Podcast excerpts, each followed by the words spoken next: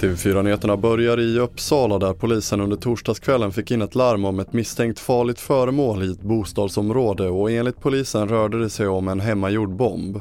Det nationella bombskyddet kopplades in och den hemmagjorda bomben bedöms som skarp men ofarlig i dess nuvarande form uppger polisen.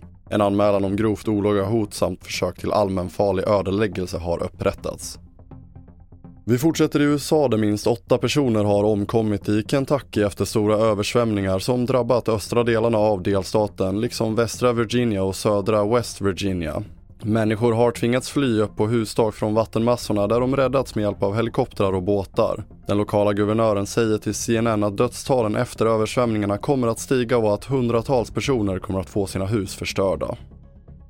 Och vi avslutar i Kenya där klimatförändringar nu är ett större hot mot elefantbestånden än tjuvjakt. Det säger Kenias turism och viltlivsminister enligt BBC.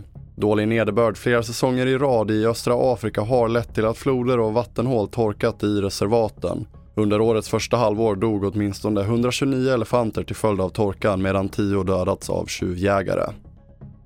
Fler nyheter hittar du på tv4.se. Jag heter André Metenen Persson.